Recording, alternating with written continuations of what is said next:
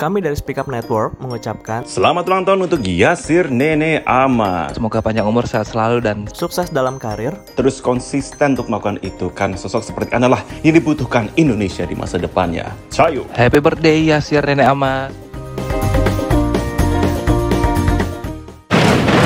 Selamat pagi, selamat siang, selamat sore, selamat malam. Gua Wilson Purba. Gua Muhammad Gibran Gua Bram Herlambang. Balik lagi di Jurnopods, cerita jurnalis di podcast. Selamat pagi, selamat siang, selamat sore, dan selamat malam. Akhirnya balik lagi dengan gua Bram Herlambang. Gua Wilson Purba. Nah, kalau Gibran ini Gibran lagi bersenang-senang ya di Iya, kayaknya di udah lama asal. tidak mendengar suara Gibran. Padahal gue tuh lagi seneng loh, pengen pengen bikin dia iri karena kita akhirnya tapping lagi, Iya ketemu sih. langsung setelah Betul. zoom sebulan kali ya. Betul, tapi gue iri juga dia bisa pulang kampung cuy. Kita di sini Bram sebagai sama anak rantau kita di sini. Kayaknya kemarin alasannya di LK deh ya. Iya, tapi dia Tiba-tiba lanjut. pulang. Enak banget memang anaknya itu. Tapi eh, ini ya, kayaknya dia di sana itu abis abis DLK dia melanjutkan dan dia kembali ke komunitasnya. Apalagi dulu kayak dia apa eh, bela diri bela diri itu gua nggak tahu namanya, tapi dia akhirnya ikut juga latihan bertemu Oke. dengan teman-temannya dan mungkin di sana siapa tahu kita nggak tahu dia melakukan aksi Ini lo iri karena lo udah lama gitu gak ya. ketemu teman-teman lo di Sumatera Utara ya. Eh, ih, kebetulan teman-teman saya di Sumatera Utara ada di sini semua. Oh, iya. Jadi saya jadi gue sih nggak Iya, iya, apa-apa iya, iya. gitu. Karena lo kuliah di sini ya. Iya, jadi oh nggak apa-apa. Dia gak mau disebut anak daerah. Eh, Pengennya anak daerah anak kok, anak daerah, eh, anak daerah kok. Asal oh, tayang. nah ini ngomongin soal jurnalis nih ya. Karena jurnalis itu kan biasanya anaknya ambi-ambi. Eh, oh iya, oh iya, gue ambil. Gue Nggak tadi usah- tidak usah- lupa gue tidak. ambil. Oh iya. iya. Kalau nggak ambi alfa lah. Oh iya, iya, iya. sama. Iya, iya. Jadi biasanya nggak cuma kerja di kantor, tapi punya banyak gerakan lain. Kayak kita nih tiba-tiba bikin podcast, tiba-tiba Oh, bikin iya, live bener-bener. Instagram. Oh iya. bener. Kalau lo apa sih motivasi akhirnya main di luar juga? Gue mau tanya sama lo dulu. Iya capek ngurusin negara nggak sih? kayak, kayak lu bahas negara gitu capek. Ini kan kalau sama teman-teman lu kan asik gitu kan kayak bahas hal receh. Meskipun ujung-ujungnya mereka nanya itu gimana ya gitu. Tapi lu tidak mengeluarkan diri lu yang se- sejatinya di kantor berarti ya? Merasa bahwa mainan di luar bisa menunjukkan real Wilson. Eh, bukan kali ya, mungkin lebih menempatkan diri kali ya. Wah, Karena kan asik. Eh mau ngomong apa lu? Oke. Mau viral lu? Nggak, nggak, nggak. Sorry, sorry. Gue nahan. Tapi nih kita eh, seperti biasa kita udah lakukan rutin setiap minggu ada ngundang narasumber. Woi. Tentunya juga yang punya ini ini kalau gua jujur gua pengen kayak dia. Tapi itu susah. Mungkin kayak karena gua kayaknya nggak ada jiwa sosial gitu. Kalau- anti sosial gitu. Kalau gue pengen karena bisa diundang ke salah satu TV TV, tapi bukan sebagai jurnalis, tapi Sebagai karena narasumber. narasumber yang punya prestasi lain. Buat gue tuh gila, sih. dan itu diwawancara jurnalis senior cuy. Iya, program dewa cuy. Yo, gila. Siapa lagi kalau bukan? Yasir, Nenek Ama. Eh, Asik. gimana gitu cara pelafalan Oh, iya, lo iya. kalau siaran biasanya gimana? Yasir Nene Ama. Anjir. Tuh suaranya aja garing. ya. Suaranya dia beda. Gila. Selamat datang Kak Yasir, udah lama gak main Iya bareng. nih nggak main bareng nih. Sudah lama banget ya. Gue nunggu 3 menit loh opening kalian tadi. Dia sampai 4 menit. Biasanya lima. Oh iya, Sampai lima ya? karena kita Baru itu tadi bisa kan ambi ngomong kan ya. katanya. Iya. Kita gitu alfa alfa alfa alfa. Susah ya. Gimana? Bahagia loh gue diundang sama podcast Ah, kalian. peres. Enggak peres lah. Kalau nggak gitu mah kapan lagi gue ketemu sama kalian berdua Iya, ya iya, kan? iya, juga iya, ya, betul iya. juga. Siap senior. Aduh, Siap senior. deh. Oh iya. Iya emang mereka berdua nih junior gue sih. Iya, di TV sebelumnya. Di TV sebelumnya kami lahir dari TV yang sama. Betul, Asik. rahim yang sama. Dan sekarang sudah ada di mana-mana. Yoi. Apa kesibukan lu sekarang? Sibuk eh, kerja aja sih. Kerja Kuliah- aja. Kuliah, siaran, Uh-uh. terus ya banyak aktivitas-aktivitas sosial kayak lu mention tadi. Udah itu aja. Itu nggak cuma itu aja nggak sih kayaknya? gitu? Iya. Lo eh, tapi tapi yang salah satu yang gue mention baru-baru adalah soal Adonara kemarin ya. Oh iya betul. Selain karena kemarin bisa bencana, musibah di sana, lu sangat getol ya, men- bukan menjual, memperkenalkan daerah lu ke banyak halayak dan teman-teman di Jakarta kalau gue lihat. Iya, jadi kayak eh, sebenarnya kan gue punya gerakan sosial satu apa yang soal Adonara itu namanya Bumi Adonara kan. Bumi Adonara tuh eh, muncul dari eh, keprihatinan gue, lah keren banget bahasanya. Wow. Keprihatinan gue dengan Keresahan ya? Keresahan. Asik. Kayak komika, keresahan.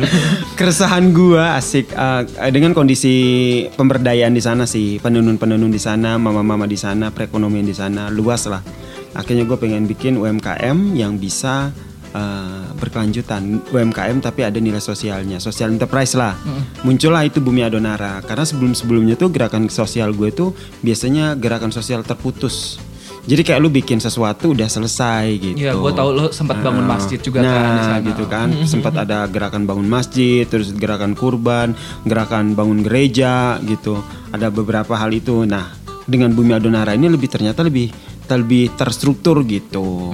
Dan di situ kan konsepnya kan kita social enterprise, ada pemberdayaannya, ada edukasinya, kemudian ada nilai ekonominya. Terus itu ada cuannya dikit juga sih buat gua dan temen gua di Bumi Adonara tapi emang nggak banyak gitu. Karena fokus kita pemberdayaan penenun di sana. Nah itu lo Gitu. awal-awal banget gimana akhirnya kayak eh, akhirnya lo memilih social enterprise itu dan penenun yang lo pilih karena kan kayaknya Adonara ada beberapa hasil bumi juga gak sih yang Betul. di, di- dihasilkan. Mhm.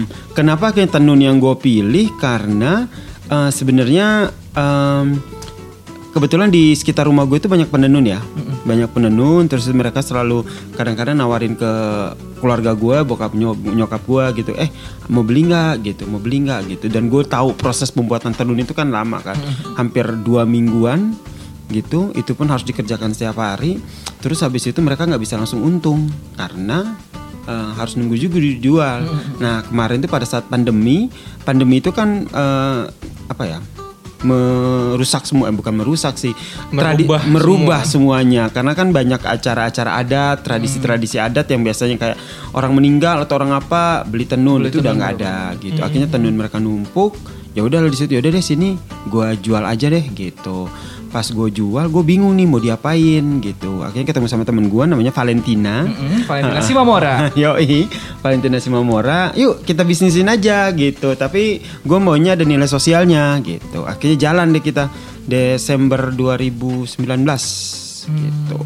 Terbentuklah itu an- apa? Si Bumi sosial Adonara. iya Bumi Adonara itu dengan konsep pemberdayaan gitu. Dan ketika eh, konsep itu udah mateng, udah gua gembar-gemborin ke mana-mana.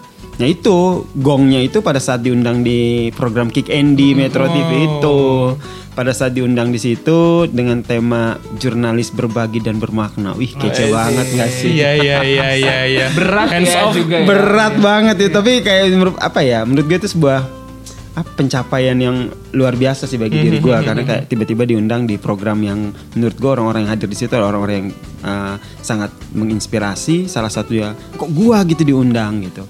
Nah dari situlah ternyata Bumi Adonara akhirnya lebih besar lagi karena langsung diperkenalkan, langsung Abang Andi Noya langsung memegang tenun itu gitu. Akhirnya besar dari situ akhirnya bisa jalan sampai sekarang gitu. Tapi yang di situ nggak fokus sama Bumi Adonara aja ya. Termasuk yang lu pernah galang dana buat bangun masjid itu juga juga jadi salah satu Betul. bahasan kan. Iya, kalau di Kick Andy itu mereka kan eh, judulnya kan jurnalis berbagi dan bermakna. Jadi kayak eh, beberapa gerakan sosial lu yang memang benar-benar di luar jurnalis yang bisa eh, berbagi dan bermakna itu. Nah, sebelumnya kan memang gue sempat eh, melakukan penggalangan dana untuk pembangunan masjid di sana. Itu sempat rame juga tuh gara-gara gue diserang kan sama ya tahu kan zaman-zaman 2000 iya. 17 Zaman kita Pilgub, iya, iya, pilgub. Eh, zaman-zaman pilgub itu loh. Yang kita diusir usir. Nah. Saya diusir-usir. Kamu diusir-usir, saya diserang di Kan Facebook. sama kalian. Iya. Gue diserang-serang di Facebook, katanya itu pencitraan dari kantor gua gitu. Akhirnya Oh. sempat di take down juga tuh Iya, campaign gua. Tapi ternyata ada berkahnya, viral jadinya dirame di Facebook. Jadi ternyata kampanyenya jadi hampir nembus 1 M loh itu. Wow, gede banget. Iya, dan itu di luar ekspektasi gitu kan. Karena pada saat gue galang dana tuh kayak ya Targetnya berapa waktu itu? Kalau Waktu itu paling 100 200 juta. Wow. Karena cuma Kan satu bangunan doang. Iya satu bangunan dan kayak waktu itu fokusnya cuma benerin genteng doang sih gitu. Jadi kayak gak usah banyak lah. Tapi karena alhamdulillah banyak, akhirnya gue nggak hanya buat masjid itu, tapi beberapa masjid di Pulau Adonara tuh juga kebagian. Gitu. Wah. Kecipratan lah, walaupun cuma sedikit gitu. Eh tapi ngomong-ngomong soal social enterprise tadi, sebenarnya apa sih yang eh, mereka dapatkan orang-orang di kampung lo tuh yang apa yang mereka dapatkan ketika lo akhirnya membeli eh, tenun mereka? Apakah memang cuma lo cuma kasih duit aja atau gimana? Eh, yang yang mereka dapatkan harapannya ya. Ini kan gue sudah membentuk kelompok kelompok tenun. Pertama dari Bumi Adonara tuh kita udah punya kelompok tenun nih. Terus habis itu nanti eh, mereka sudah diberikan insentif, insentif untuk eh, nenun. Kem- Kemudian kemarin itu mereka kita bagikan THR. Jadi nggak nggak hanya mm, kita beli tenun mereka dengan harga yang lebih tinggi sedikit dari mereka jual di sana. Nah mereka juga dapat itu insentif terus itu THR. Nah kita nah sekarang itu gerakannya lebih kepada kita lagi ngetok-ngetok ini beberapa kerjasama dengan beberapa eh, pihak gitu ya. Harapannya bisa goal baik swasta maupun BUMN gitu. Jadi kayak nanti ada pemberdayaannya karena rencananya itu ke depannya kita punya program pemberdayaan kayak motif tenun, terus itu edukasi soal tenun karena kan yang tenun kan sekarang tuh mama-mama tua renta kan. Jadi kayak pengen ngenalin bahwa eh anak muda, remaja-remaja gitu daripada lu bingung, mending lu nenun aja gitu. Lu kalau nenunnya bagus lumayan untungnya gitu. Tapi trennya memang gitu ya. Trennya ditinggalkan anak muda karena anak mudanya ke kota akhirnya. Iya.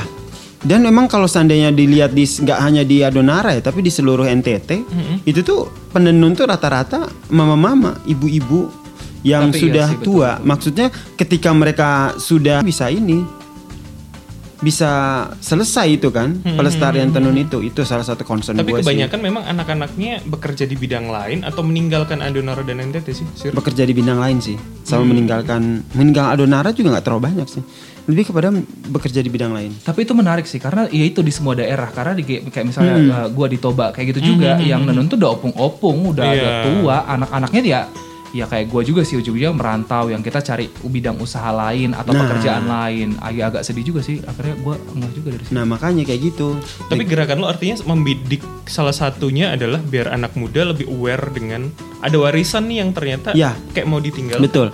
Itu sebenarnya salah satu goalnya. Goal dari Bumi Adonara tuh itu mengebidik anak-anak muda untuk ayo lu itu harus bisa ngelestariin tenun lo ini. Makanya gua juga akhirnya uh, speak up di media sosial gua segala macam ya sebagai anak muda yang uh, peduli dengan tenun itu.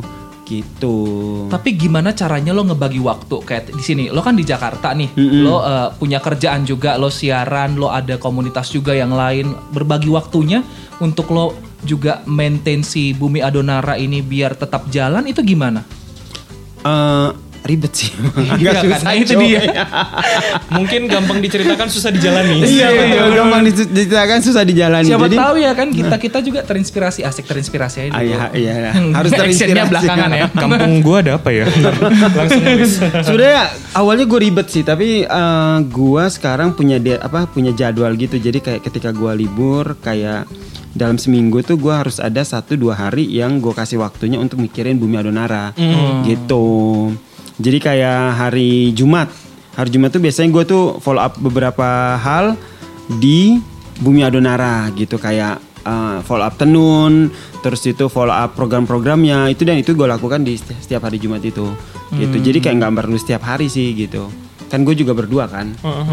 Tapi eh, kendalanya akhirnya geraknya nggak bisa cepet gitu karena gue juga sibuk kadang-kadang temen gue si Valen itu juga dia juga ada kerjaan jadi ketika kita sama-sama tidak saling mengingatkan udah kayak kemarin tuh habis Idul Lepas. Fitri habis Fitri kan programnya kasih THR tuh Iya. habis THR udah kita kita bagi terus itu kita kan juga jual apa hampers Iya. tenun bumi Adonara itu udah selesai udah tutup buku udah Bingung. sampai sekarang belum ada lagi tuh projectnya cuma terakhir tuh follow up buat ada dana insentif buat penenun yang belum kita kasih juga gitu. Oh. belum di follow up lagi gitu. Karena ribet cuy ternyata. Nggak segampang itu apalagi orang-orang di Adonara di daerah sana tuh apa ya nggak bisa kerja cepet. Jadi kayak harus bener-bener mana nih? Ayo mana? Gitu. Harus selalu diingatkan. iya, iya, iya. gitu. Tapi itu lu punya punya temen yang as a koordinator di sana buat kontak Ada, ada, sama lu dan ada. Valen di sini. ada ada. Ada ada orang di sana yang emang koordinator buat gua. Jadi kayak semua kelompok tenun itu tuh gua mempercayakannya ke dia gitu. Jadi dia yang ngordinir dia yang ngapa-ngapain gitu. Semuanya dia gitu.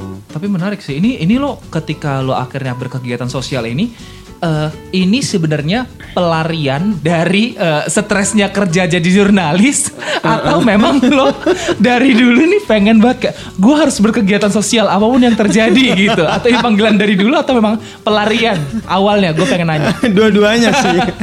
Ini gue jawab jujur ya. Iya, iya, Eh, iya. pelarian tuh iya. Eh, eh, tapi awalnya tuh gue memang memang lu dua kan juga jurnalis cuy. Jadi kayak kadang-kadang kita ngerasa bete kan jenuh sama kerjaan jurnalis yang kayaknya itu-itu aja Iya, gitu kan kayak ngurusin negara muter gitu gitu, ya. kan kayak ngurusin sesuatu yang kayak nggak ngaruh sama kita Iya, ya kan iya, iya. gitu kan.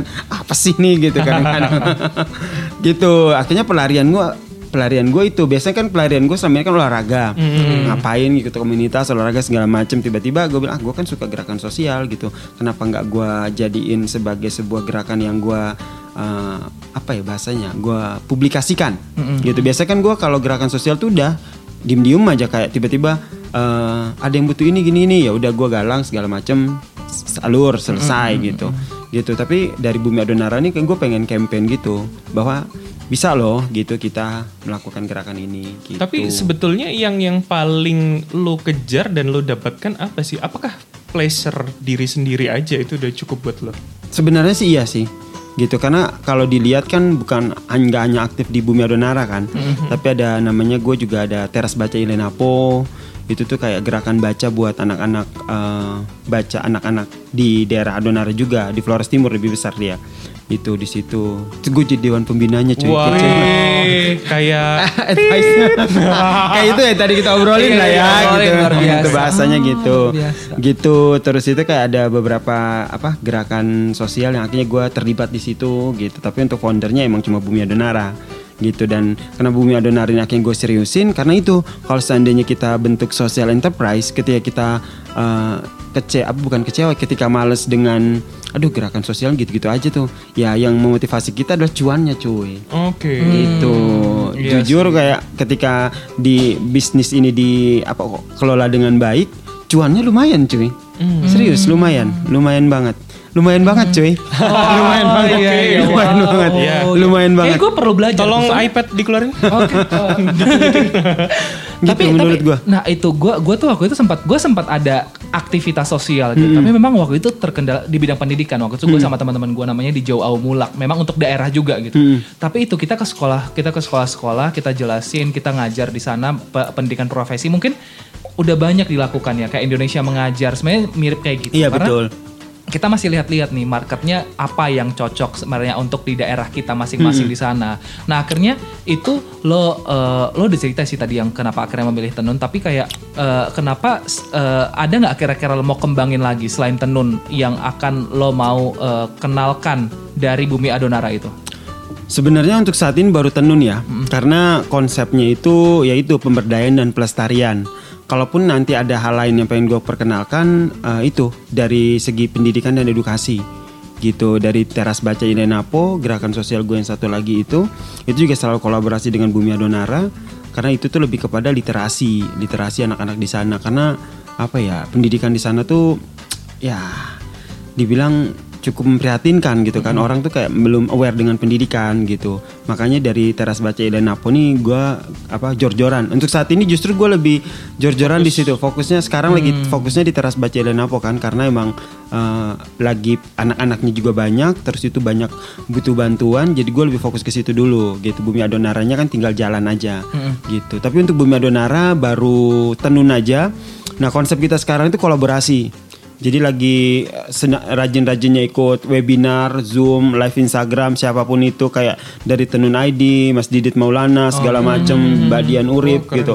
Orang-orang penenun itu gue harus tahu oh backgroundnya mereka ini gitu. Habis itu kita kayak uh, sok-sok kenalan buat cari apa kerjasama, Approach, kolaborasi, ya. harus pitching mereka segala macam. Dan itu tidak mudah ternyata. betul betul karena maintainnya itu ya. Hmm, maintainnya itu kayak walaupun lu jurnalis, tapi ketika lu uh, menanya apa menc- ngobrol sama narasumber kan beda. Iya betul Iya, betul. Nah, itu kan lu merasa setara. Tapi Iya, kalau ini iya, kan lu lu mau jualan, Iya, lu mau iya, pitching iya, iya. produk lu, jadi lu nggak bisa bawa ego jurnalis lu ke situ. Itu sih yang gua pelajari di situ kayak, aduh lu nggak bisa uh, menyamakan hal itu. Apalagi dari pas kalau kita jurnalis itu kan ego kita agak tinggi ya. Iya. Iya, Hmm, betul. jadi Betul, agak betul. dong agak-agak agak-agak donga ya. Betul. Pride kita tuh agak tinggi ya. Jadi kayak untuk kayak jualan tenun atau apa tuh kayak hmm, hmm, gimana gue sempet gigi gitu loh Iya sih. aduh ini nawarin ini gimana ya gimana ya gitu makanya gue dengan adanya gerakan sosial tuh sebenarnya bikin kita lebih bangga gitu Hmm. itu yang membuat gue bangga sih kayak Tapi artinya ada Yasir yang berbeda dong ya. Lo lo men-setup Yasir as a jurnalis sama Yasir as a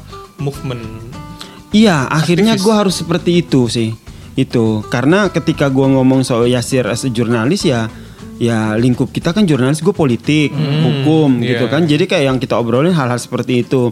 Tapi ketika gue ngomongin social movement, orang-orang yang gue temui juga beda gitu. Bahkan ada beberapa customer ataupun beberapa klien, yang gue mereka taunya gue tuh ya Yasir Bumi Adonara. Mereka bahkan nggak tahu kalau background gue adalah seorang jurnalis Dan lu atau siaran. news anchor dan siaran gitu. Mereka tuh sampai nggak ngeh kayak gitu. Dan gue lebih nyaman justru kayak gitu. Jadi kayak ketika kayak mereka eh eh, mereka berinteraksi di media sosialnya Bumi Adonara. Itu kan gue yang ini segala macam foundernya siapa gitu. Sebelum mereka ngecek Instagram gue mereka tuh nggak tahu oh Mas Yasir ini yang siaran itu ya gitu. Dan dan gue tidak mau menggunakan itu dulu gitu. Iya iya iya. begitu. Dan emang ya plus minus lah plus minus lah buat apalagi sebuah gerakan sosial ya. Karena bagi gua kalau kita mau bikin gerakan sosial tuh harus sudah selesai di kitanya sih bro gitu. Selesai selesai, di kitanya tuh dalam artian kayak yang lu lakuin ini bener-bener lu dengan tujuan lu kasih kebaikan ke orang gitu. Jadi kayak ketika kebaikan itu nggak dibalas sama orang itu lu yakin aja kebaikan itu tumbuh di hati orang itu biar dia bisa berbagi kebaikan juga gitu. Jadi kayak udah selesai aja. Kayak gue berbuat baik ke, ke lu berdua nih gitu. Ya udah gue nggak ngarepin apa apa dari kalian. Timbal karena balik nggak? eh, Iya, iya. timbal balik. Karena kita udah gue udah selesai sama diri gue menurut gue ketika melak- mempunyai social movement tuh harus kayak itu. Dan gue masih dalam proses belajar ke situ. Gitu. Karena mungkin bijak banyak, ya gue ya.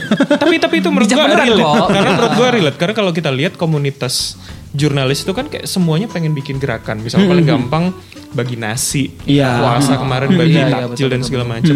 Banyak yang nggak konsisten dong. Iya, iya, Artinya iya. berarti Musiman. niatan niatan lu itu bisa menjadikan refleksi ya buat kita semua. betul betul Oh ya udah kalau gue mau jalan, gue mau konsisten ya niatnya dibenerin dulu. Betul betul betul. dan kayak contoh konkretnya kayak podcast kalian ini gitu itu kan kalian udah selesai sama pekerjaan jurnalis kalian kan Hmm, gimana ya? Podcast kita ngomongin jurnal. Sebentar, sebentar. Selesai dengan Oh, gitu. pekerjaan maksudnya. Aduh, Oke oke oh salah ngomong gue ya Iya, kita ngomongin jurnalis juga.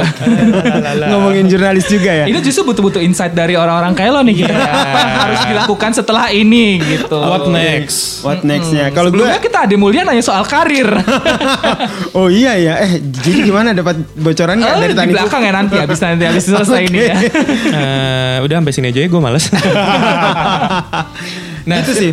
Ngomongin soal itu, gue tertarik bahwa ternyata personal lo hari ini tidak hanya sebagai jurnalis, orang mengenal lo sebagai juga sosial aktivis gitu loh. Nah, eh, gimana sih cara supaya kita kita ini bisa membagi dua itu tanpa mencampurkan? Kalau gue hari ini masih ya kayak yang lo bilang, gue masih somehow ya gue jurnalis, walaupun gue podcastan misalkan, mencampurkan itu ya kan misahin berat ya. Iya betul. Misalnya berat berat banget sih karena kan eh, jurnalis itu kan kayak jadi kerjaan yang sesuai passion kita. Iya. Terus itu kan itu memang Dan kita kita banget gitu eh, bertahun-tahun gitu. Tapi eh, mau nggak mau dua hal itu benar-benar menurut gue ya harus dipisahin gitu. Karena biar lu tuh juga bisa lebih tulus dengan sosial aktivitas eh, sosial movement lu itu gitu. Kenapa gue bilang kayak gitu? Karena awalnya itu ketika gue eh, melakukan gerakan Bumi Adonara ataupun teras baca dan segala macem itu tuh kadang-kadang ego gue sebagai jurnalis itu yang membuat gue agak sombong Hmm, gitu. Eh gue jurnalis nih, gue punya banyak jaringan. Gue orang pasti kenal lah. Kalau gue ngomong gue dari wartawan pasti selesai lah semua urusan gitu. Dan ternyata tidak semua circle bisa lu hadapi dengan itu gitu. Ketika gue masuk ke circle-circle social movement, ketemu sama orang-orang yang memang mereka bergerak di bidang uh, kegiatan sosial gitu. Justru mereka itu lebih melihat kita dari apa yang lu lakukan gitu. Itu yang akhirnya gue bilang oke, berarti gue memang harus benar-benar memisahkan uh, ketika gue menjadi seorang jurnalis dan gue ketika gue menjadi seorang sosial aktivis. Oke. gitu. Karena ketika gue menjadi seorang sosial aktivis, uh, gue harus betul-betul fokus apa yang gue lakukan itu ya untuk sosial gitu. Dan gak ada campur tangannya dengan ke, uh, jiwa gue sebagai seorang jurnalis gitu agak susah sih karena emang dua hal itu kan jadi dalam diri kita kan tapi dalam penerapannya tuh kayak contoh nih ketika gue uh, ke- kemarin liputan bencana di Adonara. Adonara. Iya. Itu kan gue benar-benar jadi seorang jurnalis juga kan. Hmm. Tapi setelah gue lakukan jurnalis itu, gue juga turun jadi relawan. Oh. Uh, bersama Di dengan teman yang sama. Kayak lo Iya, pas lo lagi nggak liputan nggak sama live gitu. iya sama pas lagi nggak liputan segala macem gue akhirnya bersama dengan teman-teman teras baca Elenapo dan Bumi Adunara kan kita juga galang dana kan kemarin hampir 150-an juta Wow. terkumpul buat di sana gitu dan dana itu akhirnya gue pakai untuk kayak bikin eh, eh, santunan pember- Hmm. pembelajaran kemudian kayak trauma healing buat anak-anak. Pada saat trauma healing itu kan kalau saya lu jurnalis udah lu bikin aja gue yang liput gitu. Iya. gitu kan sesimpel Iya, itu iya, kan. Ah, ah, betul, udah lu bikin aja gue yang liput udah lu eh, bagi-bagi aja itu gue yang liput gitu. Menurut gue ketika gue sudah meliput kegiatan itu gue sudah berkontribusi sebagai gue orang yang memiliki sosial aktivis. Iya, pada saat gue berpikir seperti itu. Ah, ah, tapi gue nggak mau melakukan itu. Jadi kerjaan jurnalis gue udah selesai liputan segala macam habis itu baru gue terjun sebagai seorang sosial apa sosial aktivis yang memang benar-benar ya udah gue terjun kayak bagian ini melakukan ini segala macam dan itu udah lepas dari kegiatan gue jadi lepas dari itu kegiatan diliput atau enggak ya Hmm, iya, iya. Tapi lu tidak mencoba untuk eh, ngasih tahu teman-teman di sana yang dari sama-sama dari Jakarta, eh gue ada gerakan ini loh, ada gerakan. Teman-teman dari Jakarta yang ketika ada- bi- ketika lu sudah bikin gerakan di sana, Mm-hmm. ketika jurnalis lu selesai tadi lu bilang, nah lu akhirnya ngasih tahu misalkan teman-teman dari TV lain, tok, eh ini lo ada gerakan ala-ala, Nah. supaya itu lu lakukan nggak? itu tidak gue lakukan sebagai seorang jurnalis Oke. Jadi ketika gue sebagai seorang jurnalis gue nggak bilang tuh apalagi kayak ketika gue di media sosial gue laporan atau bilang eh kayak gini kayak gini loh ada gue ada gerakan ini loh segala macam. Tapi ketika gue uh, sebagai seorang sosial aktivis gue ternyata punya beberapa orang yang gue tahu nih. Mereka tuh orang-orang yang memang tulus ketika kita bilang bahwa kita tuh punya gerakan sosial gitu. Dan mereka juga membantunya juga lebih tulus gitu. Jadi kayak gue kerja sama sama teman-teman dari Duanyam, teman-teman sosial aktivis lain gitu.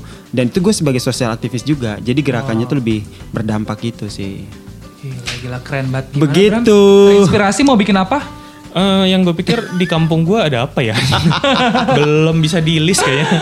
Harus di list kita harus membuat sesuatu untuk orang-orang, nggak cuma untuk kita asik. Enggak, biasa. tapi yang, yang paling bener adalah me- mem- membetulkan niat dulu sih kayaknya. Oh ya. iya benar-benar. Agar Harus konsisten. selesai dengan diri Bener, kita bener. sendiri tadi ya. Betul. Poin yang gue ambil sih itu. Ya.